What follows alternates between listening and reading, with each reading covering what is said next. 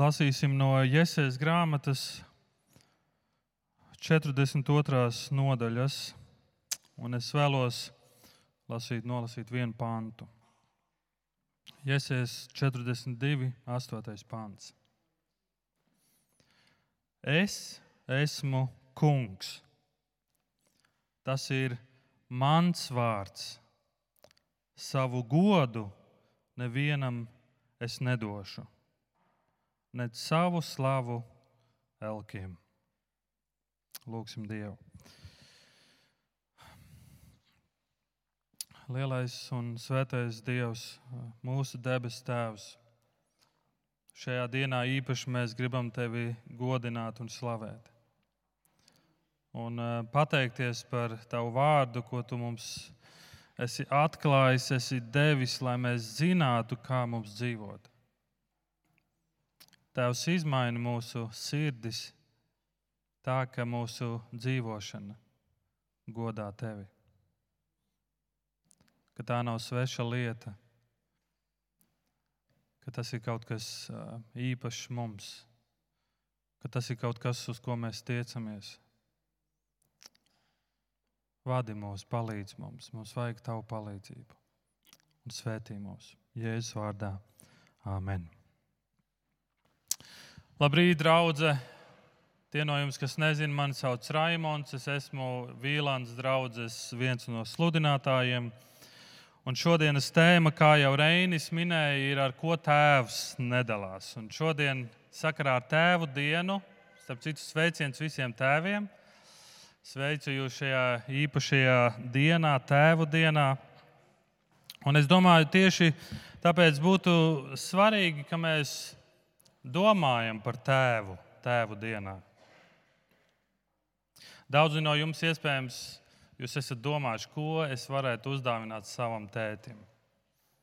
Vai arī tu esi domājis, ja man būtu, ja mans tētis būtu tagad šeit, ko es viņam varētu uzdāvināt, vai kā es varētu pavadīt laiku ar viņu. Taču es gribu, lai mēs šodien uzdodam kādu citu jautājumu. Patiesībā man liekas, šo jautājumu tik daudz cilvēki visā pasaulē uzdod. Ko Dievs, ko debes Tēvs vēlas no manis? Dievs, ko tu gribi no manis? Paceliet roku, kurš no jums jebkād, kādreiz ir uzdevis šādu jautājumu. Ah, paldies! O, diez, diezgan daudz, vai ne? Es arī. Ko tu gribi no manis? Un iespējams, tu šodien esi domājis, ko es dievam, kā tēvam, varētu uzdāvināt šodien. Vai dievam vispār es varu kaut ko uzdāvināt? Viņam taču viss ir. Tā galvenā doma, ko es šodien gribu ar šo svētdienu pateikt, ir, ka cilvēka galvenais uzdevums uz šīs pasaules, cilvēka galvenais uzdevums, mērķis, misija, sauc kā gribi, ir Dieva tēva godināšana. Tas ir cilvēka, visas cilvēces galvenais uzdevums, ka mēs godinām Dievu Tēvu. Kad es biju jaunāks un es studēju koledžā, tas bija tur, Jēkabils rajons. Kad es studēju koledžā, uh, mans onkls man uzticēja savu nesen iegādāto mašīnu Ford Focus zaļā krāsā. Tā bildīte, ko jūs varbūt tur redzēsiet, tā ir tikai ilustratīva nozīme, bet aptuveni tāda mašīna bija. Bija zaļā krāsā. Es pavisam nesen biju nokārtojis, ieguvis autovadītāju apliecību. Un es biju ļoti pārsteigts, ka viņš man uzticēja šo jauno auto. Es tikko sāku studēt koledžā. Jūs zināt, ko tas nozīmē man? Ar auto braukt, kā jaunam studentam braukt ar auto uz koledžu, piestāt koledžas priekšā. Un visi redz, kā es izkāpu no mašīnas, un man patika, ka visi to redz.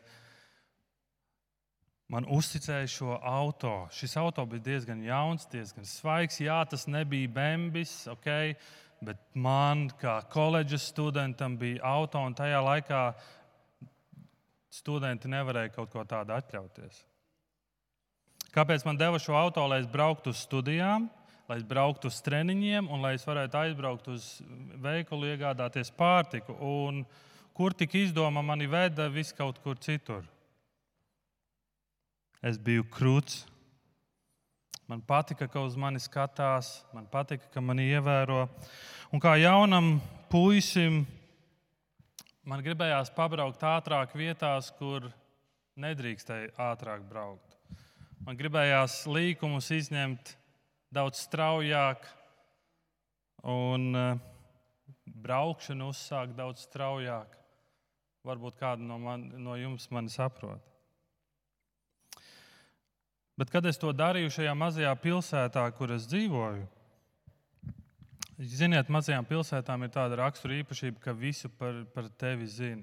Visi zina visu un visi zināja, kam piederēja šis jaunais Ford Focus zaļā krāsā.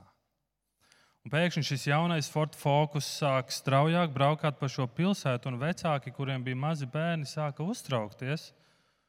Un šīs ziņas nonāca pie līdz manam onkulim. Patiesībā šis Ford Focus nevis deva godu manam onkulim, bet negodu. Starp citu, es sēdēju tajā Ford Focusā. Un nevis es devu labu slavu un godu manam onkulim, bet tieši pretēji. Un kad mans onkls to uzzināja, kad mans onkls to uzzināja, manas braukšanas visas ļautība tika pavisam ierobežota. Tā maigi sakot.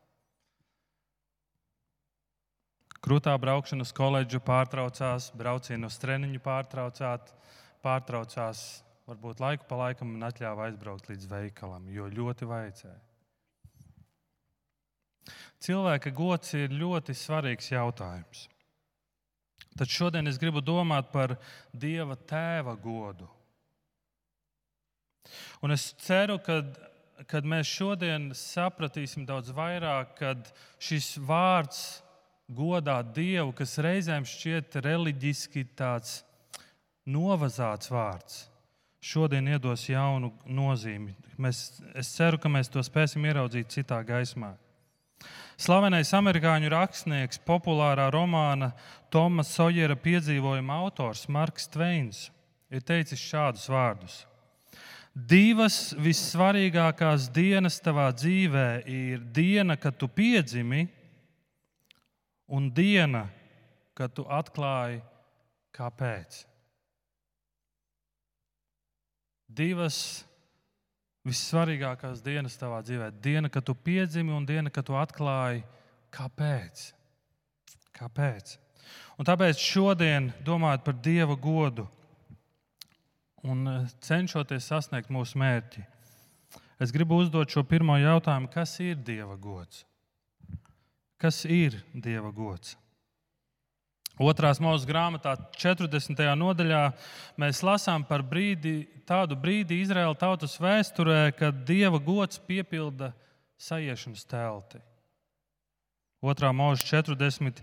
Tad mākonis apklāja sajiešanas telti, un kunga godība piepildīja mājokli, un Mūzus nevarēja ieiet sajiešanas telti, jo pār to klājās mākonis kunga godība piepildīja mājokli.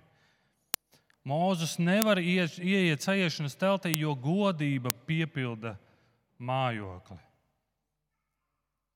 Tas ir mākonis.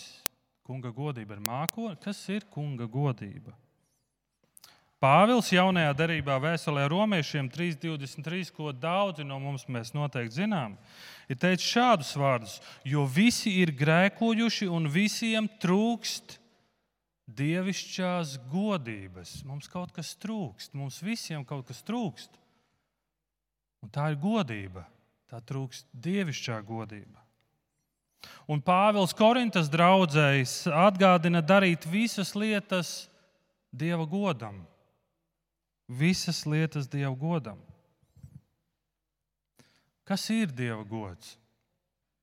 Un, jo ziniet, es teikšu godīgi, vieglāk ir pastāstīt kas ir basketbols ar vārdiem, nekā izskaidrot, kas ir Dieva gods. Vieglāk būtu pateikt, pastāstīt, ka Latvija ieguva ir piektā labākā basketbola komanda pasaulē, nekā paskaidrot ar, diviem, ar vārdiem, kas ir Dieva gods. Dieva gods ir kaut kas īpašs. Dieva gods ir kaut kas spēcīgs. Un iespējams, visprecīzāk Dieva godu mēs varētu izskaidrot un saprast ar vārdu svēts. Dieva gods ir svēts. Kad Mozus jautā Dievam, parādi man savu godību, atcerieties, vecajā derībā, viņš saka, parādi man savu godību. Dievs viņam atbild, tev neredzēt manu vaigu, jo neviens cilvēks neredzēs mani palikdams dzīvs. Tev neredzēt manu vaigu. Dieva vaigs ir kaut kas svēts, uz ko cilvēks nevar skatīties, palikdams dzīvs. Dieva svētums ir kaut kas neatkārtojams, kaut kas tīrs, kaut kas unikāls, izcilība, cita kategorija ārpus visām kategorijām. Mūsu prāts to nespēja iztēloties, iedomāties un nespēja atrast īstos vārdus, lai to raksturotu. Trešā mūža grāmatā, desmitajā nodaļā, Mozus teica Āronam, tā kungs ir runājis. Tajos, kas man tuvi, es būšu svēts, visai tautai es būšu godā. Tajos, kas man ir tuvu, es būšu svēts, un visai tautai es būšu godā, svēts, godā, godā svēts. Dieva godība ir Dieva atklātais un skaistais svētums.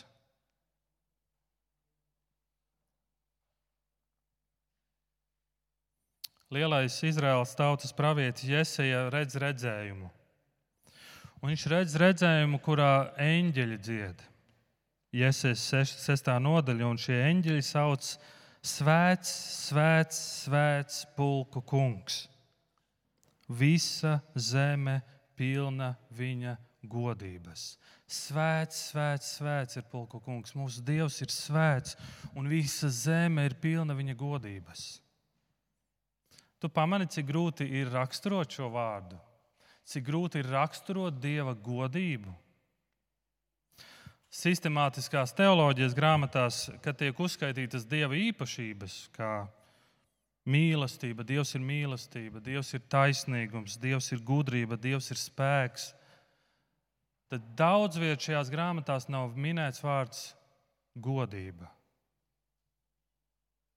Un teologs Hermans Bavings, aprakstot dieva godību, viņš raksta šādi: Dieva godība ir visu dieva īpašību bezgalīga, neaprakstāma pilnība un skaistums.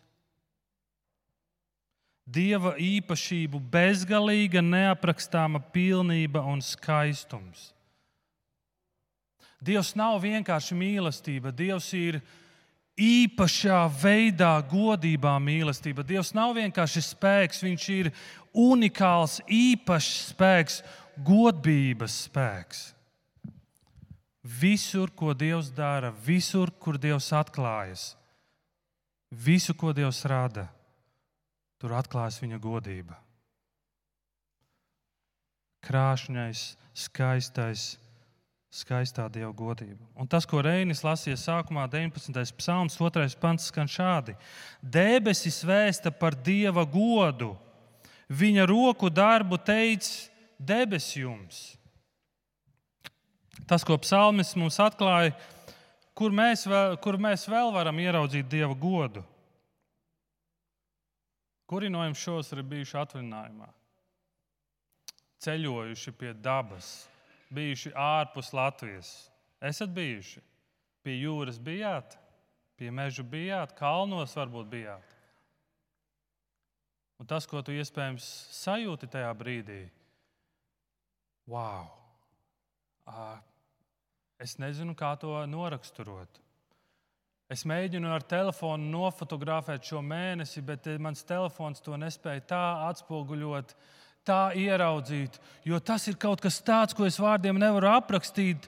Tas ir unikāls, un šis zeltainais horizonts katru vakaru ir citādāks. Dieva godība. Lūk, paņem acis, atver ausis, sajūti un ieraugi Dieva godību līdz detaļai perfekta. Patiesībā, ja tā ilustratīvi varētu teikt, Dievs mums ļauj ieiet viņa istabā un uz to visu paskatīties.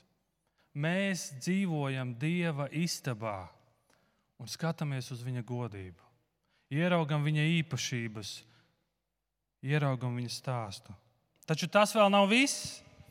Psalmis to arī dara. Viņš skatās uz dabu. Un 8. psalmā viņš raksta šādi: Kad raugos tavās debesīs, Mēs arī raugamies. Tavu roku darbā, mēnesī un zvaigznēs, kuras ar telefonu mēģinu nofotografēt, bet nesanāk, ko tu esi radījis. Un tad viņš uzdod jautājumu, kas ir cilvēks, ka tu atceries to, un cilvēkbērns, ka tu to glabā. Tu to noliec tik drusku zem dieviem, eņģeļiem, ar godu un slavu tu to kronē, liec tam valdīt pār tavu radību, visu tu noliec tām zem kājām. Psalmists ierauga un atklāja kaut ko vēl Dieva telpā, Dieva istabā. Viņš ierauga cilvēku. Un viņš saprot, ka cilvēks ir vislabākais dieva godības atspulgs, attēls. Ja dievam būtu Instagram konts, tad tas būtu pilns ar cilvēku bildēm. Tajā bildē, tajā kontā noteikti būtu arī tava bilde. Un kur šo ideju psalmis ņēma? 1. mūzes 1,26.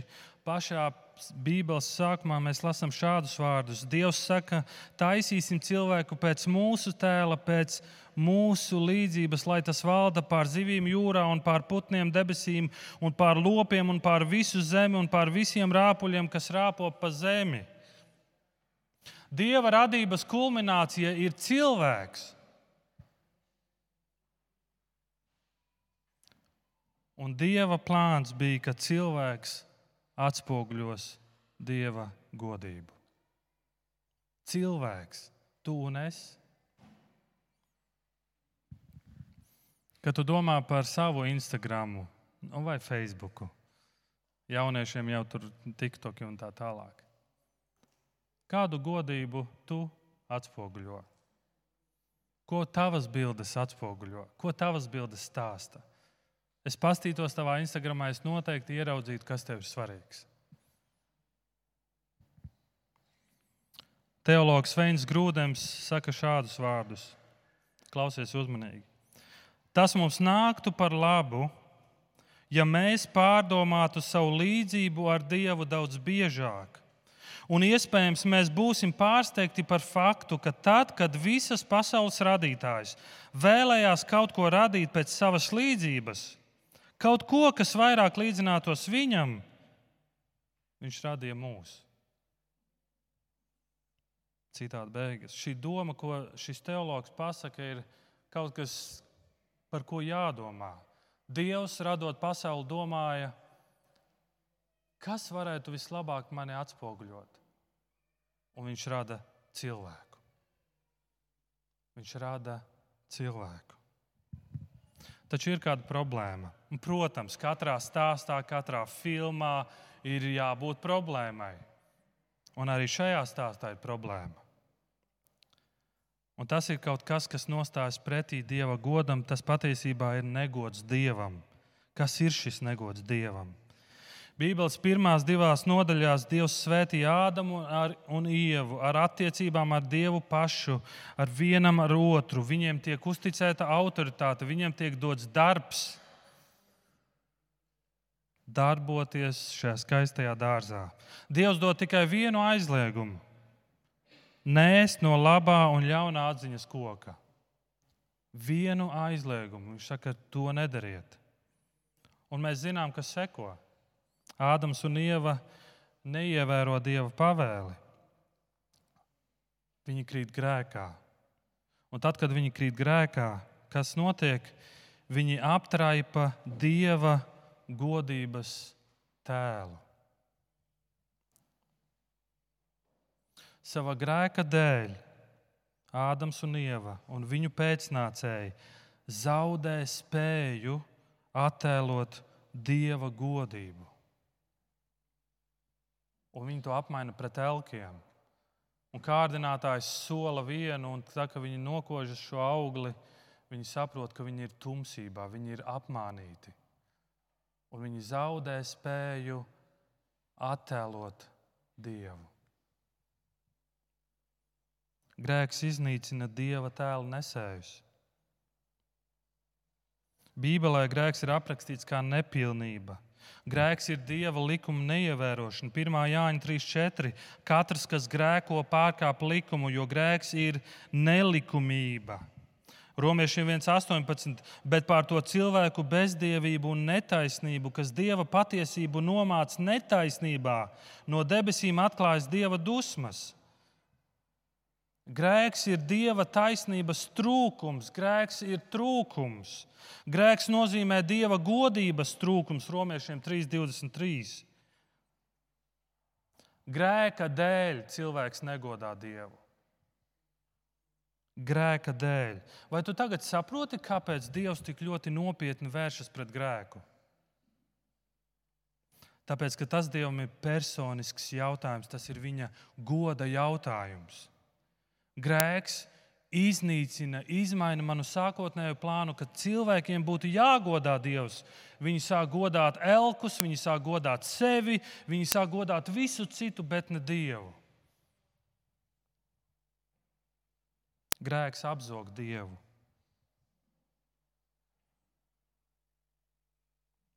Un tāpēc Iesēs 42, 8 saka, es esmu kungs. Tas ir mans vārds un savu godu es nevienam nedošu. Lūk, ar ko Dievs nedalās.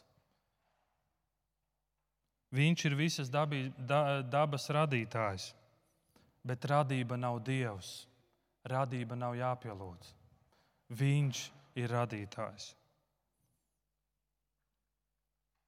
Viņš ir mūsu radījis, bet mēs neesam Dievs bet mēs bieži vien dzīvojam tā, it kā mēs būtu Dievs. Es pats noteikšu, kas ir labs un kas ir slikts. Es pats noteikšu, kā dzīvot, es pats noteikšu, kā izturēties, es pats noteikšu, kā pieņemt lēmumus. Es pats, es pats, es pats, un beigās es esmu Dievs un es godāju tikai sevi.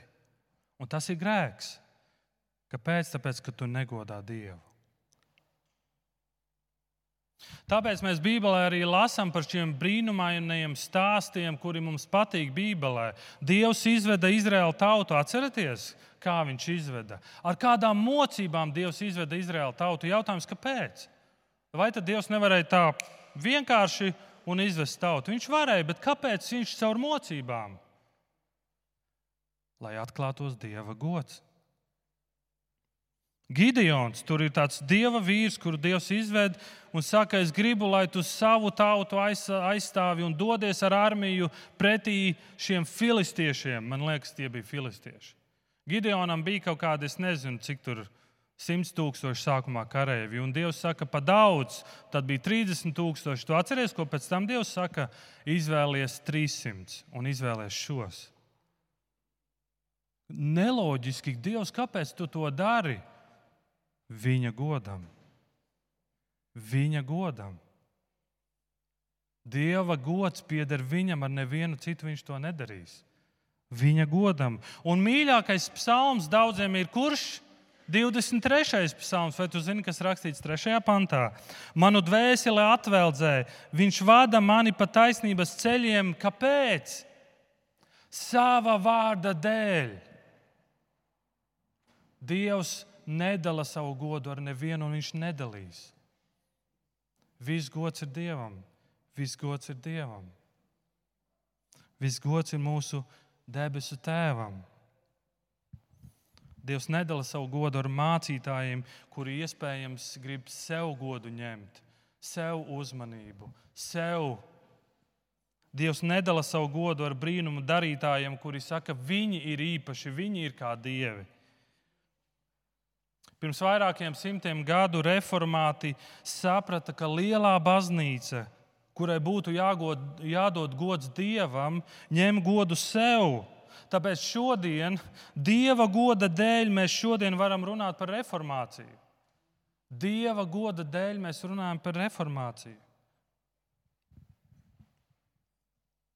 Un Dieva gods ir cilvēces viena no vislielākajām pretenzijām un problēmām.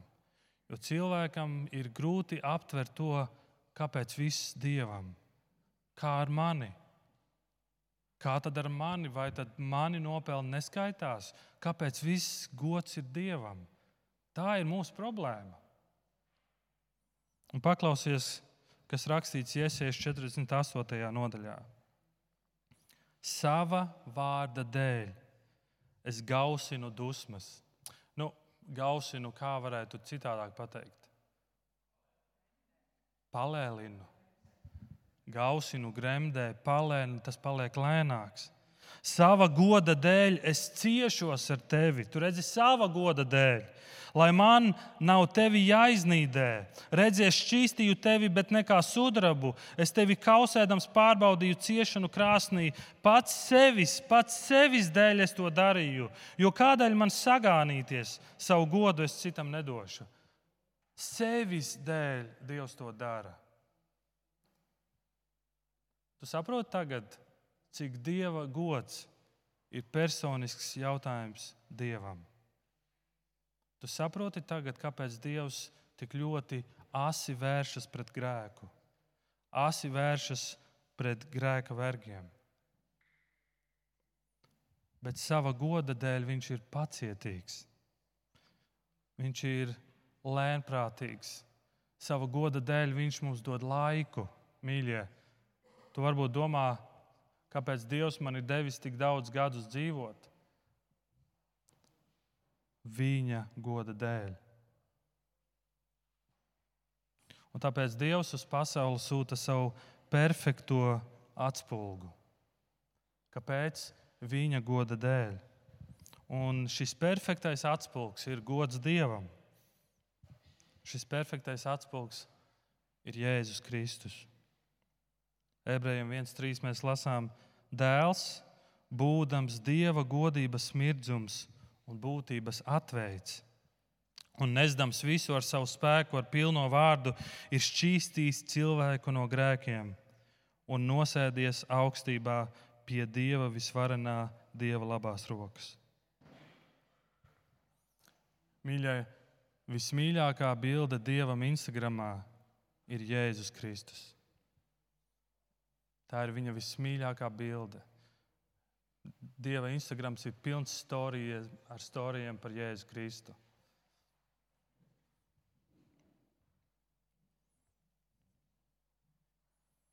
Jēzus ir ne tikai Dieva godības atspūgs, bet mēs redzam, ka arī Jēzum piemīt šis pats gods.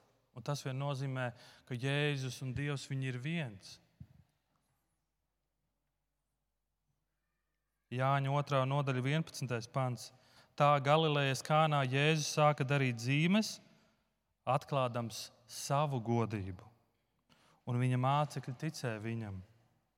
Un mums nepietiktu laika domāt par notikumiem un visām lietām, ko Jēzus ir darījis, lai atklātu savu godību un kā viņš atklāja tēva godību.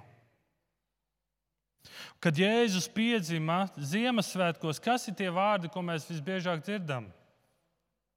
Kad Jēzus piedzima šie gani, ganot avis redzes, pēkšņi ierauga eņģeļu kori, un ko šis eņģeļu koris dzied? Gods Dievam augstībā! Linda varbūt varētu nospēlēt melodiju, kā tas varētu skanēt, varbūt savā meldiņā. Bet eņģeļu koris dzied gods Dievam augstībā! Miers virs zemes un cilvēkiem labs prāts. Dieva godība ir kaut kas tāds, kas dod kārtību pasaulē, kas dod mieru pasaulē un cilvēkiem labu prātu. ja pasaules prioritātes tiktu sakārtotas un mēs godātu Dievu, miers būtu un cilvēkiem būtu labs prāts. Kāpēc tautas ārdās, kāpēc tautas karo? Jo trūks dievišķās godības, jo trūkst izpratnes, kuram pieder gods. Kāpēc mēs karojam viens ar otru? Kāpēc mēs plēšamies? Kāpēc mēs strīdamies? Jo mūsu prioritātes nav sakārtotas. Gods kaut kam citam, bet ne dievam. Gods dievam augstībā, miers ir zemes un cilvēkiem labs prāts. Kāpēc nav miers manā dzīvē? Kāpēc mans prāts nav skaidrs un nav labs? Tāpēc, ka gods pieder kādam citam. Un tāpēc Dievs sūta Jēzu Kristu. Un Jāņa 5. nodaļā, 23. pants, paklausies, kas šeit rakstīts. Kas dēlu negodā, tie negodā tēvu, kas viņu sūtīs. Kas dēlu negodā, tie negodā tēvu, kas viņu sūtīs. Tāpēc šis jautājums, kas nākamais jautājums, kas loģiski seko no šī panta, ir, kā es varu pagodināt Dievu Tēvu? Īpaši šajā dienā, šajā Tēvu dienā, kas ir tas svarīgais, kas man jāsaprot, bet varbūt ko es esmu palaidis garām. Un iespējams, tu šeit sēdi un tev šī tēma garlaiko un vārds gods tev liekas joprojām garlaicīgs. Bet iespējams, tu šeit sēdi un domā, ko man darīt? Kā man dzīvot, kad es savu dzīvi varu pagodināt Dievam, kad tā ir Dievam gods, ka manā dzīvē ir šis miers un ir šis skaidrais prāts. Un, zini, vienalga, vai tu esi kristietis 20 gadus, vai kristietība ir tev ir pilnīgi kaut kas jauns, bet es gribu, lai tu dzirdi uzmanīgi.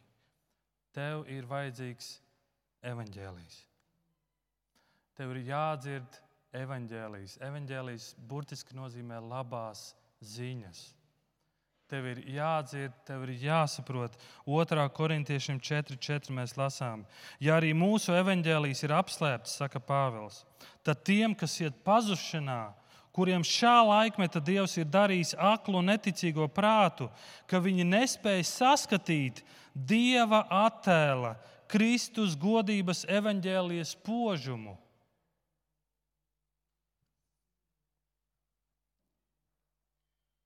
Dieva attēls, Dieva bilde ir Kristus evaņģēlijas požums. Par visu vairāk, mīļie, mums ir vajadzīgas acis, kas spēj redzēt.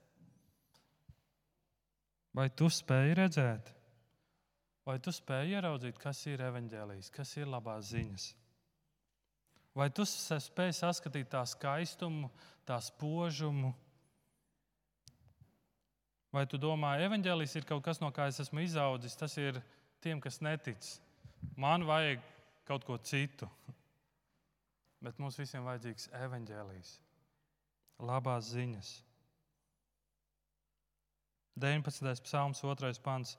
Debesis vēsta par Dieva godu, viņa roka, da, roku darbu teica debesis jums. Debesu tētis uz mums kliedz, mīļie brāļi un māsas. Viņš kliedz caur mākoņiem, caur zilo visumu, caur zeltainiem horizontiem, caur planētām un galaktikām, caur vētrām un uguņiem. Viņš kliedz caur krustas lietiem. Viņš kliedz un saka, es esmu godājams, atver savas acis. Svēts, svēts, svēts ir tas kungs. Visa zeme ir pilna viņa godības. Vai mēs spējam to ieraudzīt? Vai tu to mīli? Vai tas tev ir svarīgi? Tāpēc trīs lietas beigās es gribu pateikt, kas tev var palīdzēt. Dzīvot dzīvi, kas godā Dievu. Un pirmām kārtām paklausi viņa vārdam. Ja tu pārkāp Dieva vārda robežas, tu pasaki, es nemazām negrasos godāt Dievu tu negodā viņu. Bet, ja tu paklausi Dieva vārdam, savā ziņā tu saki, es meklēju patvērumu Jēzu Kristu. Viņš ir tas, kurš piedod manus grēkus. Viņš ir tas, kurš mani, mani dara spējīgu atkal godāt Dievu. Kāpēc es lieku uzsvaru? Kāpēc es sāku ar Dieva vārdu? Tas nav tāpēc, ka tas ir mācītā pienākums tā teikt. Bet paskatieties, 19. psalms, ko Reinis arī lasīja no 18. līdz 12. pantam. Kunga bauslība pilnīga, Kunga liecība droša, kunga pavēles, kunga bauslis, kunga spriedumi, kunga bauslība, kunga liecība, pavēles, bauslis. Tas viss ir Dieva vārds. Un viņš saka, tā atveldzē dvēseli, tā vientiesi dara gudru, tā sirdī ielīgsmo, tā dara acis gaišas, ka tu ieraugi evaņģēlīju, ka tu saproti Kristus nozīmi. Kāpēc Kristus ir perfektais Dieva godības atspulgs? Kāpēc Kristus spēja mani atjaunot un darīt par tādu cilvēku atkal, kādu iesākumā Dievs man ir radījis? Paklausi Dieva vārdam. Otrā lieta, kas tev vajadzīgs, ir ticība. Es esmu dzirdējis, ka kāds saka, ka ticība, ka tu lūdz Dievu ticībā un tu lūdz lielas lietas, tas Dievam esot kompliments. Tu esi tā dzirdējis. Ticība ir kompliments Dievam. Bet zini, ticība Jēzum Kristum. Ja tu tici Jēzus Kristus apsolījumiem, ja tu tam tici, tad tas Dievam dod godu, tas Dievu Tēvu iepriecina. Ja tu tici.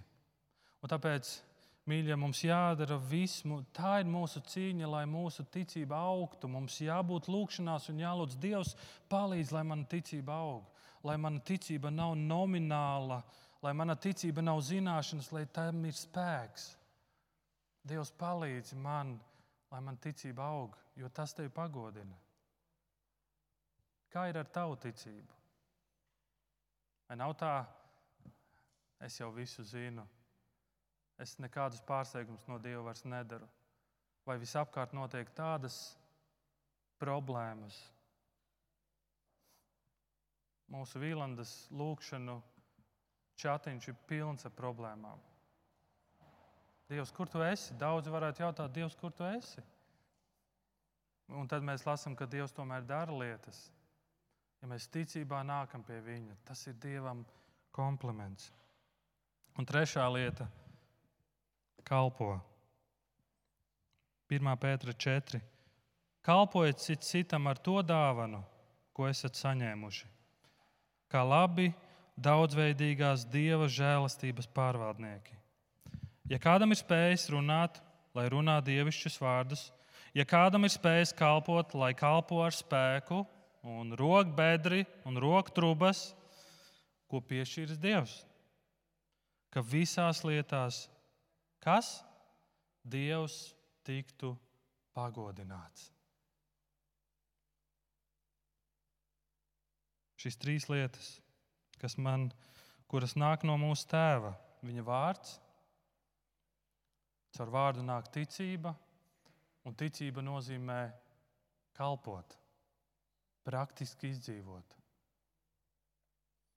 Labākā dāvana mūsu tēvam šajā dienā ir dzīve, kas pagodina Jēzu Kristu. Ir dzīve, kas pagodina Jēzu Kristu. Es tagad lūgšu Dievu. Es aicinu, ka tu vari lūgt līdzi lai nav tāds solo variants. Un uh, skanēs mūzika, un es gribu, lai šīs mūzikas laikā tu padomā, uzdod sev jautājumu, kā ir ar manu ticību. Kas manā dzīvē pietrūkst, ka es varu dzīvot dzīvi, kas pagodina Dievu? Kas man pietrūkst? Un es aicinu, ka tās Tas var būt pārdomas, bet varbūt tā var būt sauciens un lūkšana uz Dievu. Varbūt tu jūties, es kaut ko nesaprotu, vai Dievs es esmu iesprūdis un es nezinu, kā tikt uz priekšu. Lūdzu Dievu. Atceries, ka ir arī draudzene, nesi tajā viens pats. Ja tu vēlies parunāt, vai tev ir jautājumi, paskaties pa labi, pa kreisi. Tu ieraudzīsi daudz smaidošus cilvēkus Iespējams, daudz no viņiem tev var palīdzēt, viņi var aizlūgt. Rekur aizmugurē baltā krekliņā ir mācītājs dzirds. Tu vari pieiet pie viņa, tu vari pienākt pie manis. Bet uh, uztversim Dieva goda jautājumu daudz nopietnāk. Jo tas ir mērķis, kāpēc mēs esam šeit. Lūksim Dievu.